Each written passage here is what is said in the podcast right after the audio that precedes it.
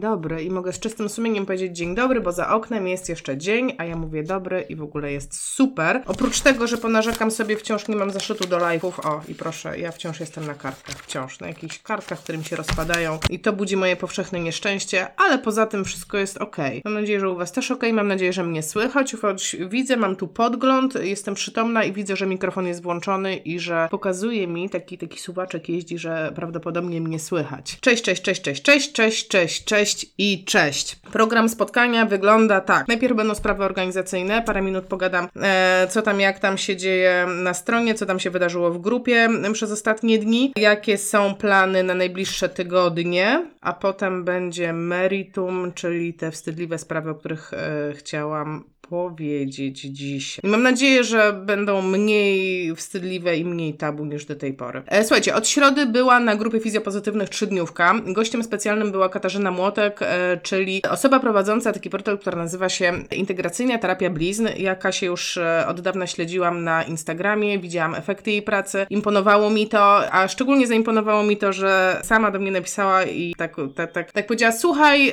ja Ci pomogę, mówiłaś, mówiłaś o jakichś tam rzeczach, ja chętnie Ci pomogę w tych rzeczach, w kwestii blizn, rozpiszę Ci coś dla Twoich znajomych. I mnie to, słuchajcie, tak ujęło, że, no, że odważyłam się poprosić Kasię, żeby brała udział w trzydniówce, żeby została gościem specjalnym i ona dokładnie tak zrobiła. Przez trzy dni prowadziła wykłady specjalnie dla Was e, z tematyki blizn. Otworzyło to przynajmniej moje oczy bardzo. Już wiem, czego nie wiem i to mnie z jednej strony smuci, bo tego nie wiem, ale z drugiej strony cieszy, bo wiem, co mam do nadrobienia, więc to jest generalnie super. I bardzo dziękuję wszystkim, którzy którzy brali czynny udział w trzydniówce, było was bardzo dużo. Bardzo, bardzo, bardzo, bardzo, bardzo e, dużo. E, dobrze, e, zrobiliście głosowanie, znaczy ja zrobiłam głosowanie w zeszłym tygodniu. E, zapytałam was, czy chcecie live o 21 czy o 20 w sezonie letnim. E, większość osób, nie było to jakoś bardzo zdecydowana większość, ale jednak e, powiedziała, że 21 jest lepsza, ponieważ jednak pracujecie, późno wracacie od pacjentów. I ja to absolutnie rozumiem, absolutnie to rozumiem i wiem, że tak jest i wiem, że fizjoterapeuci pracują bardzo ciężko i ponieważ moim naczelnym celem jest to, żeby dostosować się do Was, Was. Live zostają o 21 bez dyskusji. Jest jasno, jest super, więc e, no dzisiaj się na przykład nie doświetlam jakoś specjalnie i zakładam, że mnie widać. Przechodzimy do meritum, czyli do, ja to tak nazwałam, tabu fizjoterapii. E, poprosiłam Was, żebyście napisali, co w ogóle dla Was jest taką rzeczą, jakie rzeczy są dla Was takie intymne, z czym macie takie jakby, może nie powiem, że opory, bo ja wiem, że generalnie fizjoterapeuci mają mało jakichkolwiek oporów, ale co, które strefy są dla Was problematyczne, które strefy są dla Was takimi miejscami w ciele człowieka, człowieka, które stanowią wyzwanie terapeutyczne. No i pierwszą odpowiedzią była oczywiście jama ustna i ja wiem o tym, ponieważ w programie szkoleń PNF jest praca w jamie ustnej i wiem, że wiele osób ma opory z wchodzeniem do jamy ustnej i wiem, że nie lubicie tego i że to może stwarzać dyskomfort. Pojawiły się odpowiedzi typu przestrzeń między palcami. Tak jak pomyślę, to rzeczywiście coś w tym jest i mówił o tym Grzesiek Biliński w trakcie jednej z trzydniówek, żeby nie chwytać pacjenta właśnie tym chwytem, ponieważ to może być zbyt intymne, więc to się potwierdza rzeczywiście, że to nie jest tylko nasze odczucie, ale również może być odczuciem u pacjenta. E, u pacjentów środek ucha, przyznam się, że nigdy nie pracowałam w środku ucha. Jeżeli pracowałam w ogóle w okolicy ucha, to było to na płatku ucha, e, tudzież jakieś tam rzeczy takie mobilizacyjne z neuromobilizacji. E, nigdy gdzieś tam nie majstrowałam, ale rzeczywiście mogłoby to sprawiać dyskomfort. Myślę, że też bym się nie czuła komfortowo, jakbym tam zaglądała. Stopy, dla mnie na przykład stopy nie są żadnym problemem, ale wiem, że dla niektórych również są, zwłaszcza stopy, które dawno nie były obciążane i stopy, które mm, dawno nie chodziły i być może nie są do końca zadbane, a tak jest właśnie w neurologii. Mnie to nie rusza kompletnie. E, chyba po prostu przywykłam do tego, zupełnie, zupełnie nie mam tego problemu, ale wiem, że tak może on stanowić e, kłopot. E, pojawił się też otwór zasłonowy. W momencie, kiedy ja kończyłam swój romans z, z ortopedią, to, to jeszcze się nie pracowało na otworze zasłonowym. Żeśmy się jarali tym, że nie wiem, kość krzyżową możemy pomobilizować, jaki tam otwór zasłonowy, błagam. No i dół pachowy, tak, mi wam z nim kłopoty, nie powiem to wymaga specyficznej sytuacji. Znaczy, mm, inaczej, nie mam kłopotów z samym dołem pachowym, nie mam kłopotów e, z wejściem w dół pachowy u pacjenta, ale rzeczywiście zdarzają się takie sytuacje, kiedy chcę przytrzymać jakąś część ciała pacjenta pod swoją pachą i zastanawiam się, czy on nie ma dyskomfortu w związku z tym, że ja wkładam tą część, przeważnie jest to kolano jego pod swoją pachę. No ale to jest takie dyskusyjne.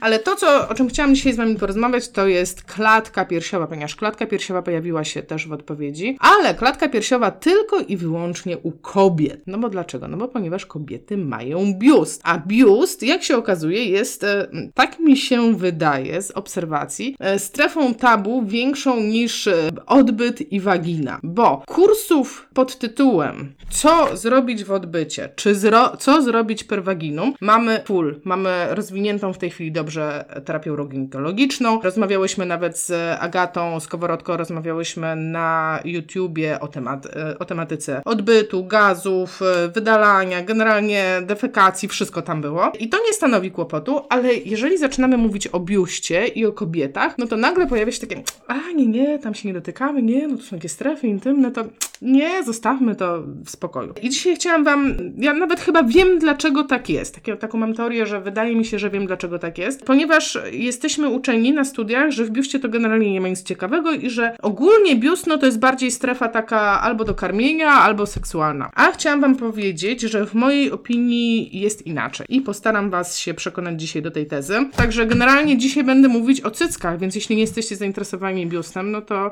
no to już wiadomo, o czym będę mówić. No i no, no. Tyle. Okej, okay. anatomia biustu. Jak weźmiemy zwykłą książkę do anatomii, ja mam tutaj taką zwykłą, zwykłą, zwykłą książkę do anatomii, to ona jedyna strona, którą znalazłam w tej książce, która mówi cokolwiek na temat anatomii piersi. Całe trzy zdjęcia, z czego jedna od przodu, trzeci to są po prostu gruczoły mleczne na jakimś tam prześwietleniu. I to koniec anatomii piersi. Jeżeli tak jest przedstawiana pierś w książkach do anatomii, a dokładnie tak jest przedstawiana, wystarczy sobie wejść na, e, na wystarczy sobie wejść na, chociażby na Google wpisać anatomia piersi, dokładnie takie rzeczy zaczną wyskakiwać w różnych odmianach, w plikach rysowane i tak dalej, i tak. Ale jeżeli zaczniecie kopać głębiej, i ja Wam dzisiaj pokażę, gdzie trzeba pokopać głębiej, to okazuje się, że pierś jest bardzo ciekawym elementem, uwaga, układu ruchu człowieka. I teraz um, pójdziemy tą drogą, jaką ja poszłam w momencie, kiedy zaczynałam rozkminiać tematykę piersi. I uwaga. To jest blog Renaty Bielesz. Renata Bielesz jest, jest brafiterką, czyli osobą, która zajmuje się doborem właściwej bielizny. Mnie generalnie kręci temat doboru bielizny, nie ma w tym nic złego, to jest generalnie neutralne, tak? Blog się nazywa noszebiustonosze.pl i jest taki wpis, który się nazywa Nowe szaty cesarza, czyli biust w hamak. I co tam jest, co tam jest? Tam jest dużo ciekawego tekstu i dochodzimy do rycin anatomicznych. To, co widzicie, to są zdjęcia pochodzące z książki dla chirurgów. To nie są zdjęcia anatomiczne, które możecie znaleźć w zwykłych książkach. I co one przedstawiają? To, e, to co widać na górze po lewej, czyli to takie, te takie czerwone tkanki, to jest wycinek anatomiczny czegoś, co idzie przez sam środyczek, yy, środyczek, przez sam środeczek piersi, yy, czyli przegrody. Po środku piersi, przez sam środek piersi idzie, tak jak taki ha, yy, przez sam środek piersi idzie więzadłowa przegroda, czyli coś, co przecina, przecina, przechodzi przez moją pierś na wskroś. Od boku tej przegrody doczepione są to jest ten szary pasek, widzicie przegrodę poziomą, a do tego szarego paska Doczepione są po boku dwa mniejsze paski po stronie przyśrodkowej i po stronie bocznej i to są więzadła poboczne. W związku z tym pierś jest elementem bogato utkanym w tkankę łączną, czyli bogato prze, jakby przenicowanym, można powiedzieć, przez powięź. To jest mój rysunek, to jest z mojego bloga joannatokarska.pl i jest tam taki artykuł, czy plecy mogą boleć od piersi. I jak zobaczycie, to to po środku, to jest przegroda pozioma. Ona jest podtrzymywana przez dwa duże więzadła, te poboczne i przyśrodkowe, a przez całą pierś przechodzi taka siatka jakby pajęcza i to są więzadła Coopera. One zaczynają się, one się przyczepiają od strony wewnętrznej do skóry, ale od strony tam głęboko, głęboko, głęboko przyczepiają się do powięzi mięśnia piersiowego większego. I teraz jakie to ma znaczenie? Jeżeli zastanowię się nad samą piersią, to mam powięziowo bach przegrodę w poprzech, dwie od boku pod podtrzymujące tą przegrodę, czyli mam taki hamaczek, który podtrzymuje tą tkankę piersi i mam całą mnóstwę pajęczynek, które idą od skóry w głąb i to wszystko przyczepia się do mięśnia piersiowego większego, a konkretnie do powięzi mięśnia piersiowego większego, czyli do tego worka, który ją otacza. I jakie to ma znaczenie? I teraz bierzemy sobie książkę numer dwa, jedną z moich ulubionych, taśmy anatomiczne Meyersa i znajdujemy sobie, co mówią taśmy mięśniowe na temat mięśnia piersiowego większego. I surprise, surprise, jest to początek taśmy powierzchownej przedniej kończyny górnej. Więc mamy początek na mięśniu piersiowym większym, potem ta taśma zaczyna iść przegrodą międzymięśniową, a potem zaczyna, kończy się całym łańcuchem zginaczy. Także jest to cała taśma kończyny górnej. I teraz wyobraźcie sobie, że do początku tej taśmy jest doczepione coś, co jest ciężkie i co ciąży w dół. I teraz, no, nie ma badań na ten temat, więc ja nie mogę Was w tej chwili obrzucić badaniami i powiedzieć, że to ma naprawdę znaczenie w kwestii ruchu, w kwestii ruchomości, w kwestii jakiegoś, e, nie wiem, stanu zdrowia i tak dalej, i tak dalej, i tak dalej. Ale możemy postawić jakieś hipotezy, które przy założeniu, że wychowuje się, czy funkcjonuje długo w takim schemacie, gdzie muszę z jakiegoś powodu chować moje piersi, gdzie nie mam podtrzymania tych piersi, a społecznie nie jest akceptowalnie, żeby one sobie gdzieś tam halowały, dyndały i tak dalej. Nie daj Boże, tak jak ja byłam studentką Akademii Wychowania Fizycznego i musiałam pójść biegać, to był rok 2000, ja zaczęłam studia w, w 97, czyli od 97 musiałam zacząć po prostu biegać po Lasku Bielańskim i to nie były jeszcze czasy dobrych biustonoszy sportowych i wierzcie mi, że to był dla mnie problem. W związku z tym, co robią dziewczyny z dużymi piersiami? Trzymają je albo kładą sobie na biurku i w ogóle jest ekstra. E, w związku z tym, dalej, jeżeli mamy aparat więzadłowy, który pociąga mięsień piersiowy większy, no to będzie to w jakimś stopniu być może, bo nie wiem, zaburzało funkcję kończyny górnej. E, mamy też taką całą teorię, można ją popierać, można jej nie popierać. E, to jest naprawdę wszystko inne, bo w tej chwili nic, o czym mówię, nie ma poparcia naukowego, ponieważ nikt tego nie zbadał, ponieważ tak mi się wydaje, że nikogo to nie obchodzi. I to jest takie najsmutniejsze w tym wszystkim. Ale jak popatrzycie sobie na teorię Jandy, teorię tego skrzyżowania górnego, czyli ona zakłada, że mamy piersiowe hiperaktywne, że mamy górną część trapeziusa hiperaktywną, a dolną część hipoaktywną, czyli obniżone napięcie i z przodu obniżone napięcie. To tak naprawdę układa się to właśnie w tą kobitkę, która siedzi całe dnie i klepie na klawiaturze albo e, generalnie no, ma ten taki wdowi garb, tak? Mówię, abstrahuję e, od tego w tej chwili, czy to tak naprawdę jest, czy nie jest. I w tym kontekście to, w jaki sposób prowadzimy terapię i czy zależy nam na tym, czy uwzględniamy samą tkankę piersi i to, co się dzieje z aparatem więzadłowym wewnątrz piersi, zaczyna mieć znaczenie. I w tym kontekście zaczyna mieć znaczenie, w jakiej pozycji przez większość czasu przebywa pierś kobiety, a zwłaszcza w tym momencie, kiedy ona funkcjonuje, kiedy wykonuje jakieś ruchy, kiedy musi chodzić do pracy, kiedy uprawia aktywności jakieś. I tutaj dochodzimy do meritum, do tego, no, że większość kobiet jednak nosi biustonosze. I w mojej praktyce spotkałam się z wieloma różnymi, często skrajnymi podejściami. I takie podam Wam dwie skrajności, bo tam jest duże spektrum, spektrum oczywiście pomiędzy. Jedna skrajność jest taka, biustonosze są B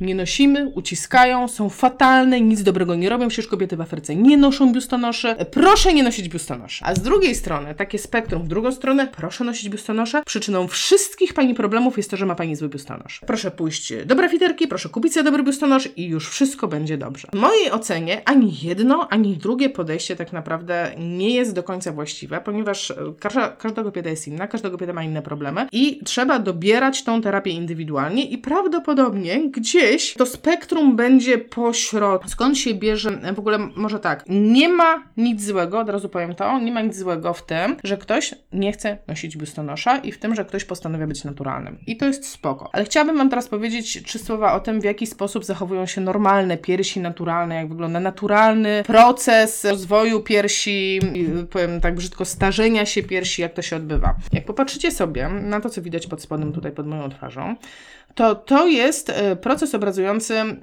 e, obrazek, obrazek obrazujący, rycina obrazująca tak zwaną ptozę, czyli obniżanie się tkanki piersi na skutek działania siły grawitacji z wiekiem. I widać, że tutaj na samym początku, no to pierś jest wysoko, ta przegroda ją trzyma, wszystko ją trzyma, jest idealnie, ale funkcjonujemy sobie, funkcjonujemy, funkcjonujemy, funkcjonujemy, funkcjonujemy i na przestrzeni lat naturalnym, i to jest bardzo ważne, żeby to, żeby to wybrzmiało, żeby to było powiedziane, to jest naturalny proces. Tak jak pojawianie się zmarszczek na mojej twarzy jest naturalnym procesem. To jest ptoza twarzy, tak samo jest ptoza piersi, jest to naturalny naturalne zjawisko, kiedy piersi po prostu wędrują ku dołowi. I e, tak naprawdę jak popatrzycie na ludzi, którzy posuwają się z wiekiem, jak my wszyscy, no to wszędzie mamy jakąś ptozę, kurczę, mamy ptozę mm, skóry na kolanach. Wystarczy popatrzeć sobie na osoby, nie wiem, 40 plus, 50 plus, można mieć super ciało, a kolana będą takie lekko obwisłe, no bo to jest naturalne, tak wygląda natura. I teraz kwestią wyboru jest to, czy ja idę w tą naturę, czy mnie to odpowiada i chcę tak funkcjonować, spoko, czy jestem w stanie tak funkcjonować prawidłowo, w dobrostanie i w dobrej pozycji, luz, czy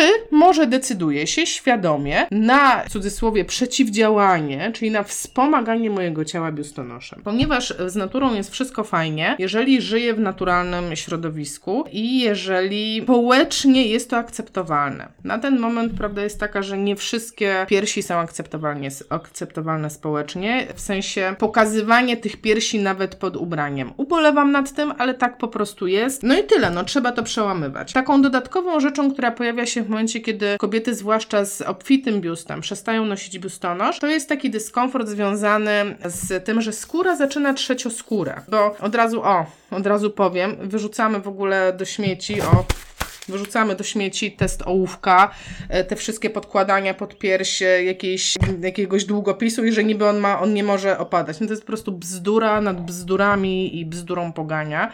To jest całkowicie normalne i naturalne, że tkanka piersi dotyka tkanki brzucha i ja Wam nawet pokażę tutaj na ten moment, bo to jest warte przeczytania i będę Was zachęcać, żebyście sobie zerknęli. Na najnowszy, na najnowszy artykuł, który się pojawił na portalu Stanikomania, napisała go Katarzyna Kulpa, właścicielka tego portalu i artykuł brzmi Obwisłe piersi są ok. I chciałam Wam powiedzieć, że Kasia jest brafiterką, jest e, osobą, która zajmuje się biustonoszami od wielu, wielu lat i to jest super, że wybrzmiało to, że kobiety mają wybór. To nie nie jest tak, o obiecałam trochę golizny, no to będzie, że to nie jest tak, że my mamy przymus posiadania tych okrągłych, takich, prawda, sterczących piersi, że jest to kwestią wyboru, jak noszę swoje własne ciało i to jest dla mnie absolutnie, absolutnie super, absolutnie super, bo to są prawdziwe, naturalne, zdrowe piersi i o to chodzi, dobra. No, ale dalej, spektrum to jest ta natura, tak? No ale z drugiej, z drugiej strony mam to spektrum, no to nośmy biustonosze, biustonosze będą remedium dla wszystkich. E, I z drugiej strony mamy też te takie opinie, proszę nie nosić biustonosza, bo jest szkodliwy. I niestety, słuchajcie, spotkałam się z takimi opiniami kilkakrotnie i były to opinie wygłaszane przez mężczyzn, czyli mężczyźni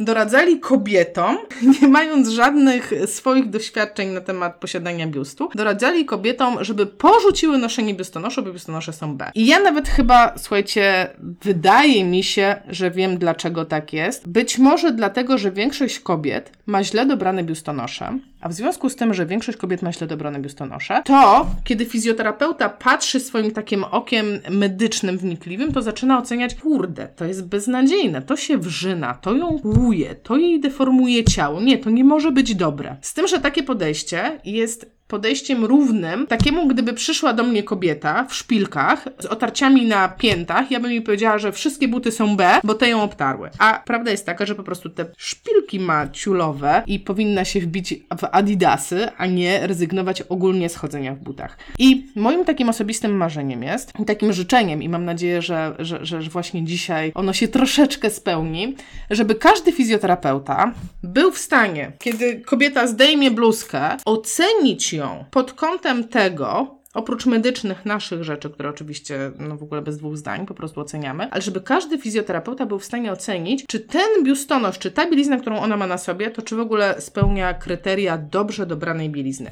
I chciałam Wam powiedzieć, że to nie jest takie trudne i teraz będę się posiłkowała slajdami, które dostałam od Izy Sakutowej. E, Iza jest właścicielką dużej marki bieliźnianej, nie właścicielką dużej marki, nie wiem jak to się mówi, reprezentuje dużą markę w Polsce, o, w ten dystrybutorem na Polskę, już. I Iza zajmuje się również promocją zdrowia kobiet, promocją zdrowia piersi, piersi i e, i osobiście jest moją dobrą koleżanką i użyczyła mi tych slajdów. Jestem za to bardzo wdzięczna, bo inaczej nie mogłabym Wam pokazać. I uwaga, śmigamy do slajdów. O, i jesteśmy na slajdach. Skąd się biorą takie historie, że coś jest nie tak? Po czym rozpoznać, że kobieta ma źle dobrany biustonosz? Pierwszym takim najbardziej widocznym objawem jest obwód. Obwód to jest to, co jest dookoła klatki piersiowej. Mamy obwód i ramionczka i te dwie rzeczy będą nas interesować najbardziej. E, Będą nas też interesować miski, ale zaraz do tego dojdę. I jak patrzycie sobie na kobietę i patrzycie na jej plecy, a bardzo często, praktycznie każdą kobietę oceniamy pod kątem pleców i widzicie, że podjeżdża jej do góry obwód biustonosza, to już wiecie, już mamy pierwszy objaw, prawdopodobnie ten biustonosz jest, ponieważ dobrze dobrany biustonosz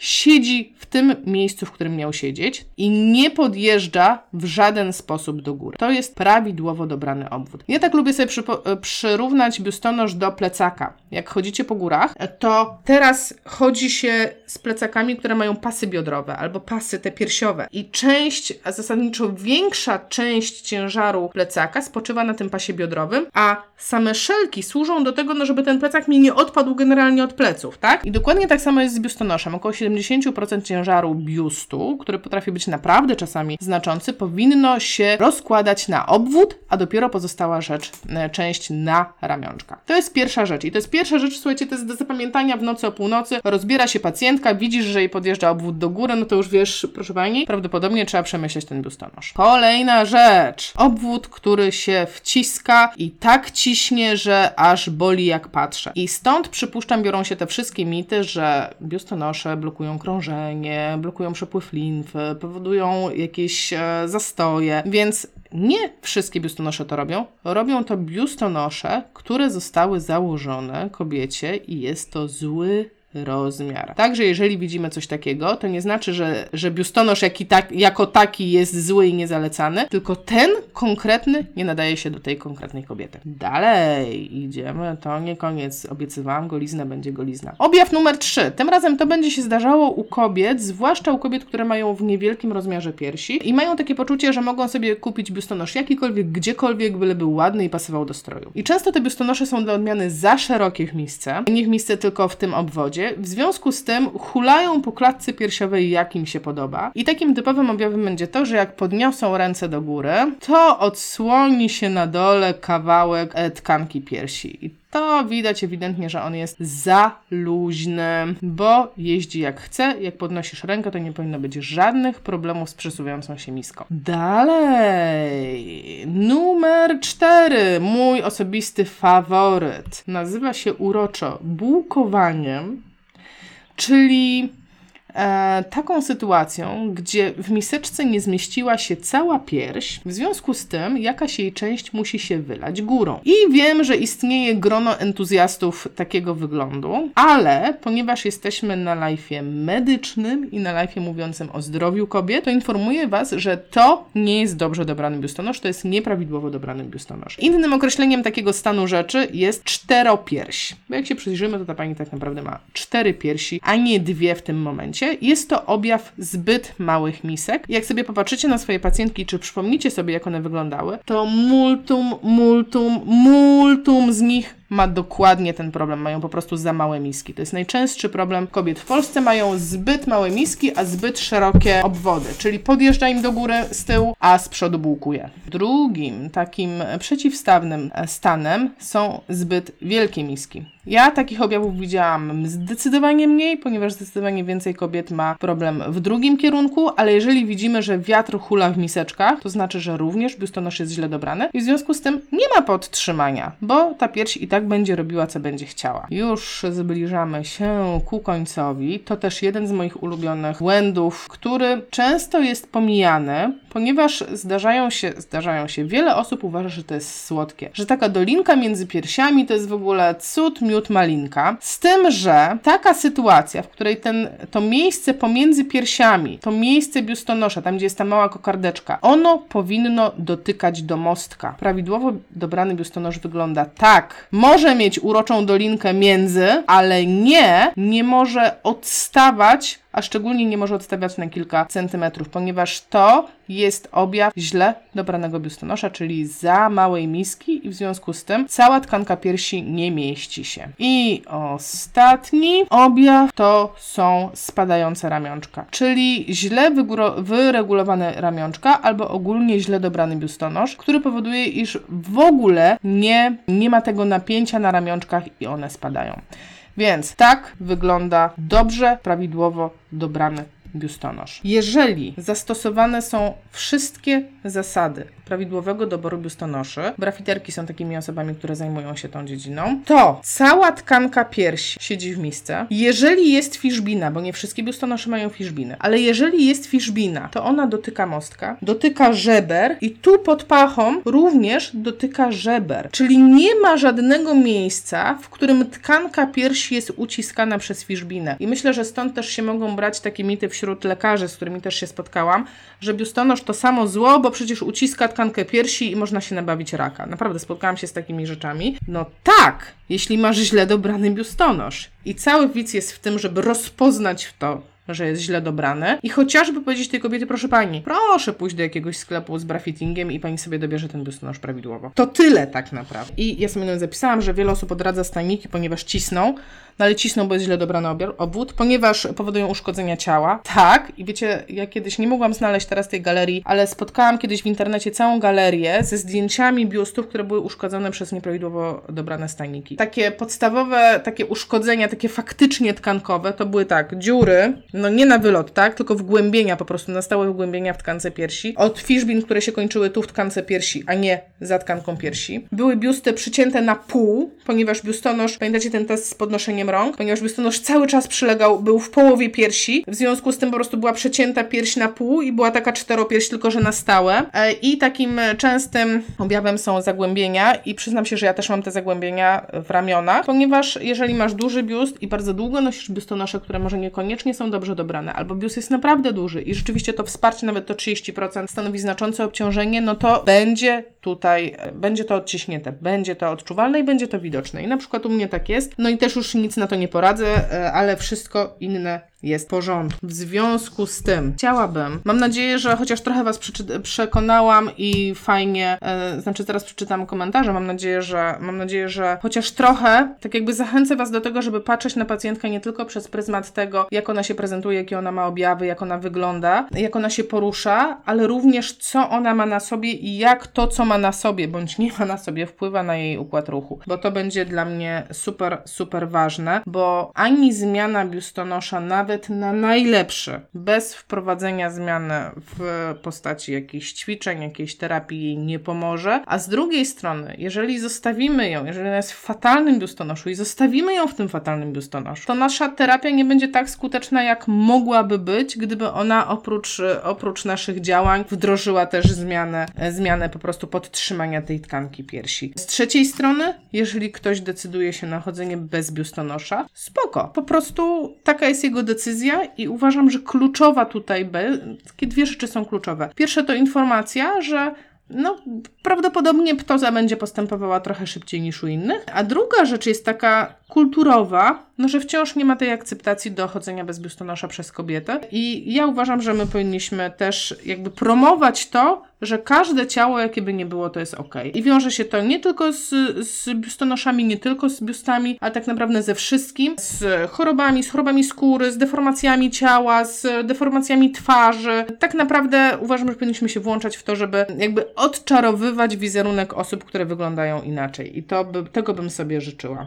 Nie wiem, czy interesują Was biustonosze jako takie. Ja nawet sobie przygotowałam. A, tak, interesują Was, bo chciałam o tym powiedzieć. Jeśli chodzi w ogóle o biustonosze, dużo nie nieporozumień wynika z tego, że mamy w głowie jakiś obraz biustonosza, czyli taki, jaki najczęściej nosimy. W wypadku kobiet, no to takie, jakie e, nosimy, a w wypadku mężczyzn, no to takie, jakie oni widują, tak? Mężczyźni mają trochę trudniej, no bo nie chodzą, nie shoppingują za biustonoszami. I chciałam Wam powiedzieć, pokazać e, trzy takie podstawowe e, formy biustonoszy. Ich jest dużo, dużo więcej, tak żeby nie było. Takie trzy, które mają dla mnie znaczenie. Nie mam żadnego bez fishbin, e, bo ja po prostu bez fishbinowców nie noszę, więc po prostu nie mam wam czego pokazać. Ale chciałam wam powiedzieć, że nawet dla dużego biustu, biustonosz może być miękki. On jest mięciutki. On jest po prostu jak mgiełka, on on nic tam, prawie nic nie waży. Ale zobaczcie, jaką on ma dużą fiszbinę. Tutaj, pomiędzy tym drutem, ma się zmieścić absolutnie cały biust. I w moim wypadku, na przykład, bo to jest mój osobisty, jest tak, że ten obwód pod spodem, on nie jest jakiś, on nie jest jakiś porażający, tak, bo on jest na mnie. Ale to, co tutaj jest z przodu, no to będzie musiało być wypełnione e, całe tkanką piersi, także to musi być na tyle obszar. Jak sobie popatrzycie na biustonosz, najczęstszy model, tak, to są takie, takie można powiedzieć prawie, że bazarowe, akurat ten nie jest absolutnie bazarowy, ale zobaczcie, jak to jest ten sam rozmiar tak? Dwa różnie wyglądające biustonosze, dokładnie w tym samym rozmiarze, bo nawet jeżeli mam sztywne miski, no to one muszą być tak duże, żeby pomieścić wszystko, bo inaczej to nie zadziała i będzie się wylewało i będą te objawy, o których Wam mówiłam. Ale ten biustonosz, o którym Wam chciałam szczególnie powiedzieć, to jest biustonosz do uprawiania sportu, bo w mojej ocenie dużo, dużo kobiet rezygnuje z aktywności fizycznej tylko dlatego, że nie ogarnia swojego biustu podczas uprawiania tej aktywności fizycznej. I ja na przykład pamiętam bardzo dobrze swoje problemy, kiedy zaczynałam studia e, i kiedy nas właśnie wyganiali do Lasku Bielańskiego, w myśl zasady każda pogoda jest lekkoatletyczna, no to idziecie biegać. Ja pamiętam, ile mnie kosztowało wyszukanie w sklepach jakichkolwiek biustonoszy, które pozwolą mi biegać i nie wybijać sobie przy tym zębów i po prostu nie mieć dolegliwości bólowych, bo chciałam Wam powiedzieć, że duży biust, jak się biega i nie masz podtrzymania, to on boli. Tak, biustonosz sportowy. Biustonosz sportowy to jest taki, kurde, pancernik, on jest sztywny, on jest gruby, ale on po założeniu trzyma biust blisko ciała jak przymurowany. I jeżeli macie pacjentki, które nie chcą ćwiczyć, przekonujecie, a może by Pani poszła na jogę, a może by Pani poszła na pilates, a może by Pani spróbowała zumbę, mamy w ośrodku super zumbę, tak? No ja, mm, nie, niespecjalnie. Można się dyskretnie podpytać, a czy ma Pani odpowiedni biustonosz do tego, żeby w ogóle te aktywności robić? Bo być może to będzie coś, co będzie ją powstrzymywało. I w mojej ocenie te biustonosze sportowe są super ważne właśnie jeśli chodzi o promowanie aktywności fizycznej i promowanie zdrowia wśród kobiet. I już ostatnie trzy słowa. Chciałam Wam powiedzieć, że jeżeli rozmawia się, czy ma się kontakt z osobami, które zajmują się profesjonalnie dobieraniem biustonoszy, to możecie też znaleźć informację u nich, że można znaleźć biustonosze również tak zwane do zadań specjalnych, czyli dla kobiet po operacjach, na przykład e, inne biustonosze są dla kobiet po operacjach plastycznych, czyli zmniejszeniu bądź powiększeniu piersi, bądź korekty, korekcie jakiegoś kształtu piersi. Inne są dla kobiet po amputacjach piersi, dla Amazonek. I wczoraj byłam na wykładzie, gdzie wręcz był wykład na temat dobierania biustonoszów dla osób ze skoliozą, dla kobiet ze skoliozą, że to też ma znaczenie. Zobaczcie, że jak ja nie mam skoliozy, czy ja nie mam jakiejś dolegliwości, nie mam jakichś chorób, to ja nawet nie pomyślałabym, że biustonosz może stanowić jakiś problem, ponieważ oceniam cały świat przez swój pryzmat, czyli moim problemem był duży biust, no to przez ten pryzmat oceniam też pacjentki, ale przecież oni, one mają różne problemy. I chciałam powiedzieć, że to właśnie jest rozwiązywane przez brafiterki i e, tych biustonoszy jest taka mnogość, że naprawdę da się dobrać praktycznie dla każdej kobiety, dla każdego rozmiaru, dla każdej potrzeby e, i w dodatku praktycznie w każdym przedziale cenowym.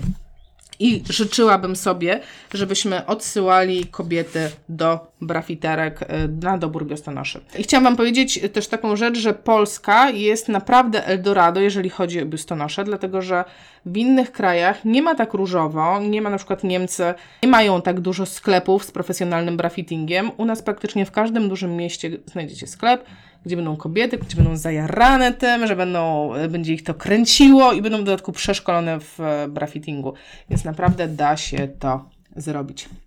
Dobra, słuchajcie, przeczytam komentarze, bo widzę, że tutaj się pojawiło dużo. Aha. Dobry wieczór, dobry pomysł, jestem za i tak dużo darmowego kontaktu. O, dziękuję bardzo, bardzo mi miło. E, uważam, że trzeba doceniać osoby, które będą poświęcały nam czas, ponieważ tych trzy dniówek jest dużo planów zrobienia i są już kolejne osoby, które się zgodziły poprowadzić, poprowadzić trzydniówkę. Uważam, że po prostu no, trzeba ludzi doceniać, tak? Wiedziałam, że panowie się aktywnią, cycki są fajne. Oczywiście, że są fajne. Nie widać strzałki. Jest pani mega. Większość kobiet w Afryce ma biust popępek przez brak biustonosza. Tak, i to jest normalne. I no to jest ta ptoza i po prostu mm, jeżeli będziemy się opowiadać za jakimś trendem, każdy ma prawo mieć swoje zdanie, ale uważam, że my, medycy, powinniśmy być w stanie przedstawić argumenty medyczne.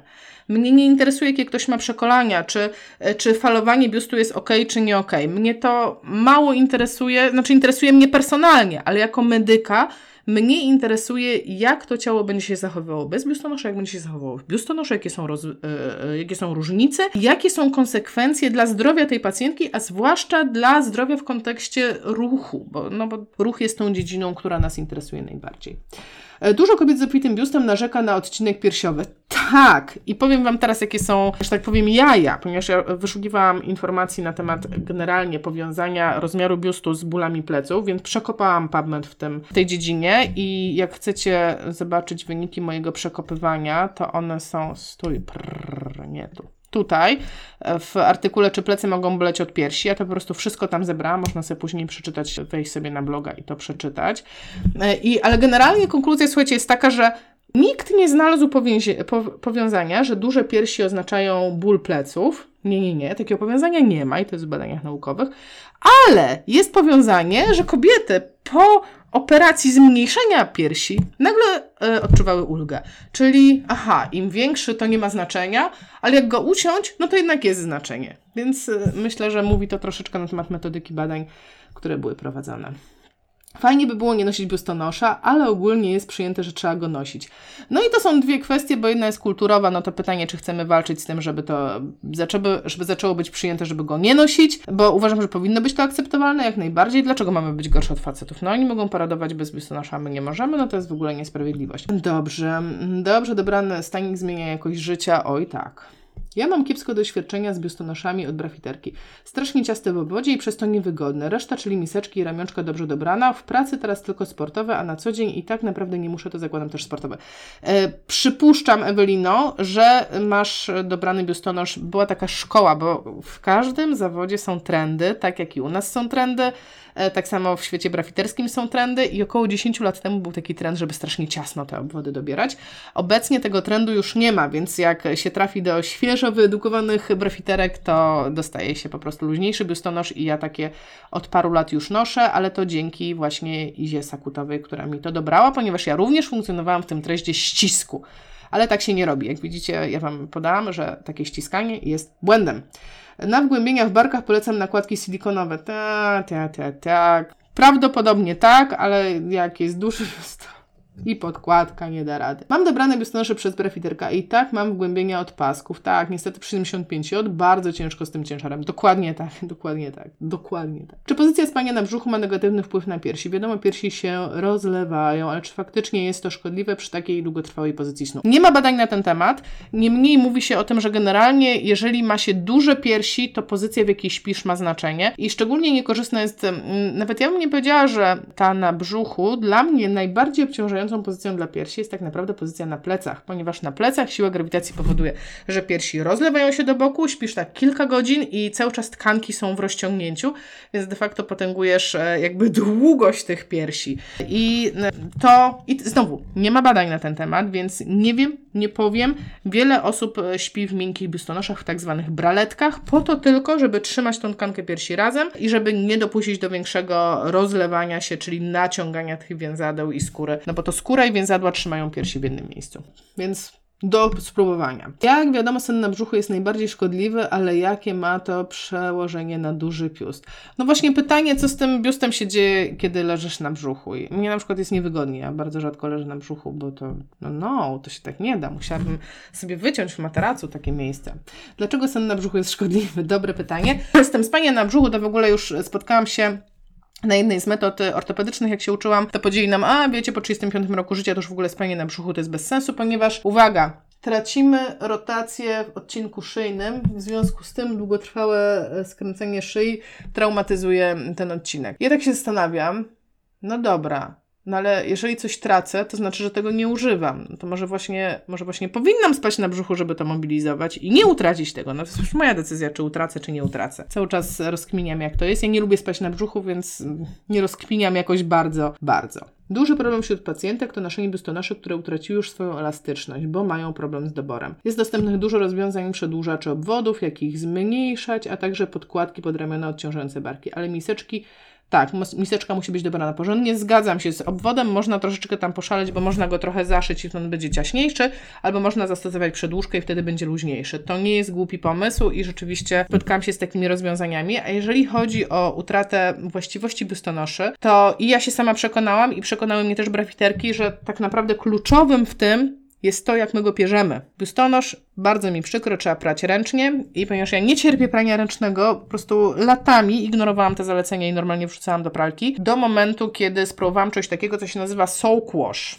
Soak wash to jest taki płyn, który wlewasz do miski, do wody, wrzucasz tam te wszystkie rzeczy, które mają być uprane i nie robisz nic. Przychodzisz za 15 minut, wyjmujesz te rzeczy, nie trzeba płukać, nie trzeba robić po prostu nic i one już są gotowe. I odkąd używam tego, ani mi się biustonosze nie, nie niszczą, w sensie nie tracą swojej elastyczności, ale nie, ani nie wystają z nich takie gumeczki, bo czasami potrafi tak się zrobić. I po prostu inne życie i rzeczywiście ta bielizna się trzyma i to by była rzecz, którą bym zalecała osobom, które rzeczywiście nie chcą wymieniać bardzo często biustonosze. Ja na przykład jestem oszczędna, nie lubię wymieniać, nie lubię kupować takich rzeczy bardzo często, ale jak już kupię, to kupię porządny i chcę, żeby się trzymał i wtedy właśnie bardzo dobrze się sprawdza. To się nazywa soak wash, soak wyasych soap wash. Dosyć łatwo znaleźć, to są płyny. Mi tam nie ma się co rozlewać. Nie wiem, czy śmiać się, czy płakać to jest bardzo trudny temat, bo ja przez wiele lat, tak po prostu takim moim marzeniem było, żeby nie musieć nosić biustonosza, żeby mieć taki malutki, zgrabniutki biust. No ale to nie tędy droga, słuchajcie. Droga jest tędy, żeby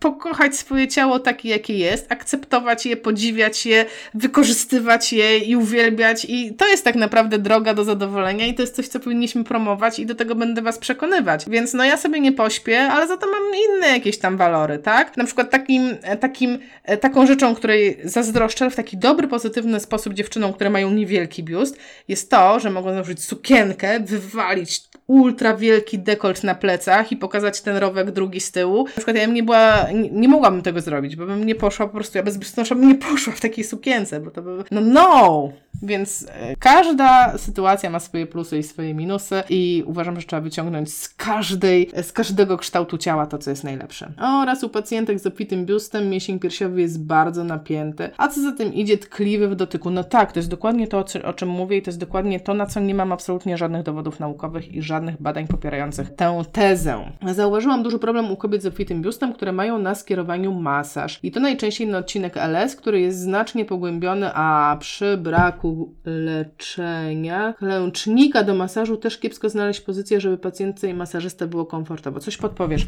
Generalnie z tym masażem w bolesnych plecach na skutek dużego biustu, gdzie zakładamy, że ten duży biust jest komponentem tej kobiety, to ja bym się jednak tutaj odwoływała do syndromu skrzyżowania górnego jandy, ale chodzi o to, miski są za małe, Obwód jest za luźny, w związku z tym biust ciągnie w dół. Jest wzmożone napięcie mięśnia piersiowego większego, wzmożone napięcie, napięcie trapezjusa górnej części, a obniżone tutaj bo to są te głowy w protrakcji i w dolnej części pleców. I teraz, jeżeli robimy masaż tylko na jeden odcinek temu pacjentowi, to tak naprawdę mm, robimy terapię no, na jeden z kawałeczków tego problemu, bo problem jest złożony. Problem jest taki. A. Długo funkcjonuje w niewłaściwie dobranej bieliźnie, czyli przyzwyczaiła swoje ciało do przebywania w pewnych określonych pozycjach. B. Gdzie jest jej zakres ruchu? Czy jest w stanie otworzyć klatkę? Czy jest w stanie przyjąć skrajne pozycje do tych, w których funkcjonuje na co dzień? Czyli czy w ogóle jest w stanie odwrócić tą sytuację? Czyli położenie nacisku na ruchomość, na ślizgi. Ja nawet nagrałam kilka takich filmów, które wiszą sobie na YouTubie, właśnie dla kobiet, ponieważ dla mnie kluczem nie jest ani masowanie ich, ani wzmacnianie ich, tylko danie danie im sposobu na odzyskanie swojej ruchomości w kontekście powięzi mięśnia piersiowego większego, w kontekście całej taśmy anatomicznej kończyny górnej. Jak sobie wejdziecie na mój YouTube, tam jest takie, co zrobić, gdy masz problem, cała taka lista, generalnie list, playlista, tak, że tam jest y, dużo różnych ćwiczeń i ja tam sobie ponagrywałam takie filmiki, bo to jest w mojej ocenie tak ultra ważne, właśnie ta ruchomość, nie tam jakieś wymyślne terapie, tylko zwykła taka ludzka ruchomość, które one tracą na skutek tego, że przebywają w tej pozycji takiej skulonej,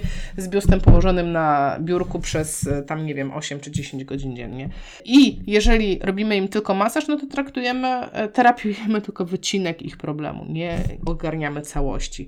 Więc masaż jako element terapii tak, w połączeniu z ćwiczeniami, które będą uruchamiały klatkę piersiową, otwierały klatkę piersiową i tutaj wracamy do ćwiczeń oddechowych, tak, zwykła oddechówka, on. Czym one mają oddychać, jak są cały czas takie pokulone? Dobrze. Moi drodzy, poniosło mnie, ja Cię kręcę godzinę, no ale o cyckach to ja tak mogę długo, więc musicie mi wybaczyć.